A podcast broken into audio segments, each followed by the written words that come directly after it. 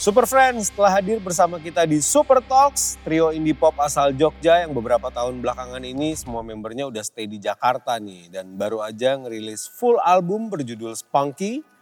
Dan saat ini sudah ada Angie, Akbar, dan juga Edo dari Girl Gang. Welcome, apa kabar semuanya? Baik. Baik, sehat ya. Nih dengan cuma satu member cewek di band ini nih, apa sih maksud yang ingin kalian twist dari kata-kata Girl Gang? Clickbait sebenarnya. soalnya clickbait soalnya tahu pasti kayak, uh, wih girl gang isinya cewek-cewek semua gitu. Ternyata jebakan ya? Yes. Oke, termasuk kita juga terjebak sih sebetulnya.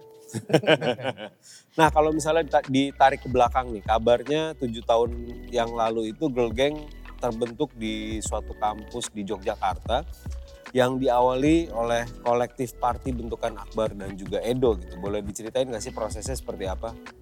Jadi prosesnya itu eh, kenapa Girl Gang akhirnya terbentuk karena balik lagi benar kita tergabung di satu kolektif bernama Terror Weekend dan memang aktivitasnya adalah ya membuat eh, acara gitu, mengorganize acara untuk band-band dari luar kota, dari luar negeri, bikin party di Jogja dan biasanya anak-anak kampus gitu kan yang datang. Nah, itu kita buat 2015 dan 2016 Angie pindah ke Jogja untuk kuliah. Kebetulan Angie itu eh, junior saya di di UGM di apa di HI Iya.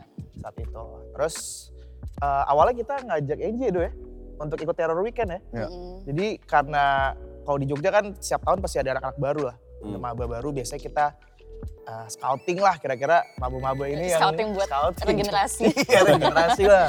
Siapa sih yang bisa kita ajak? Dan salah satunya Angie. Kita ajak, kita makin deket karena kita satu kelompok lah bisa dibilang.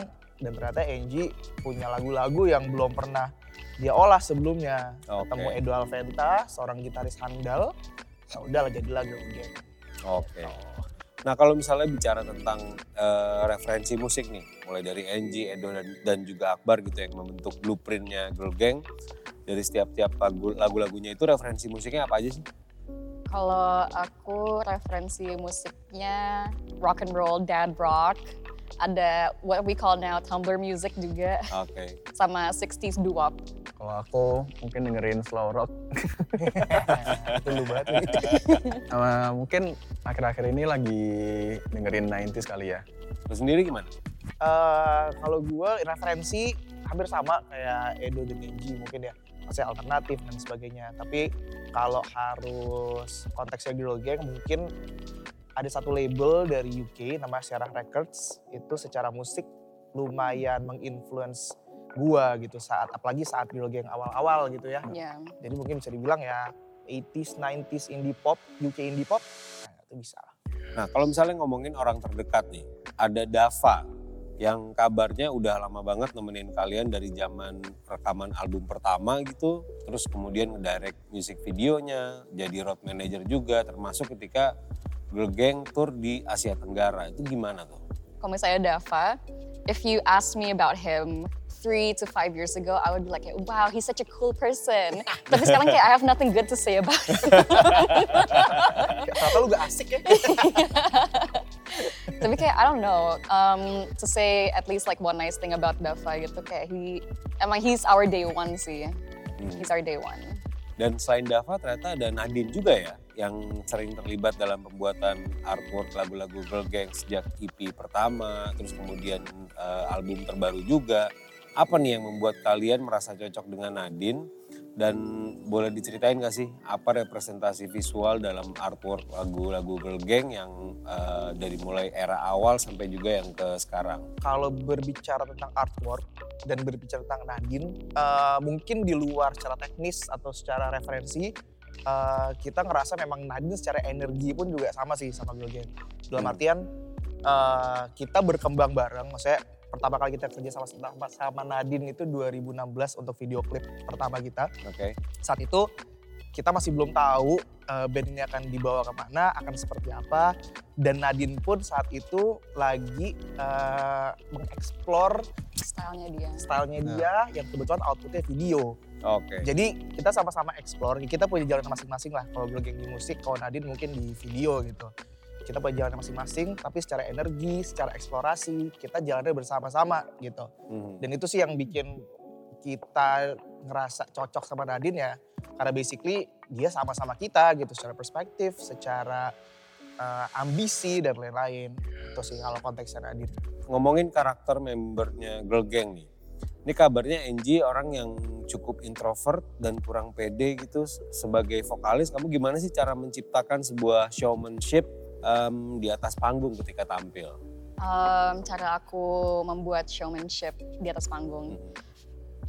Ini honestly it's such a hard uh, hard question for me to answer. Soalnya aku sampai sekarang masih kayak ngerasa agak-agak kaku, gitu, kaku gitu iya. ya. kayak apalagi kalau misalnya I think when I think I already do such a good job on stage, masih aja dapet kayak kritikan dari manajemen kayak kurang kurang luwes, kurang uh, masih pales atau apa gitu. Tapi at this point I'm just like I just try my best to have fun while I'm while I'm on stage and just express myself the way I wrote these songs juga in the first place gitu loh. Oke, Iya. oke. Nah ini untuk Edo sama Akbar nih. Kabarnya juga Edo justru member girl gang yang paling confident dan justru malah kepedean. Terus kemudian Akbar juga adalah member membernya girl gang yang paling matematika. Ini bener-bener valid gak sih soal ini? Ini ya. Enggak sih, Nggak tahu, no, yang jawab lah kalau no. itu. Edo pede iya in the studio in, In his own studio. way. Kayak not kayak personality wise itu kalau misalnya on a daily life itu dia kayak biasa aja lempeng gitu. Tapi kalau misalnya di studio lagi bikin musik lagi latihan gitu, he's like kayak no, Selepas itu ya? this. Nomor Yes. satu dia kalau di studio. Iya. Nomor satu. Kalau Akbar matematika banget, it's true, he's very calculative.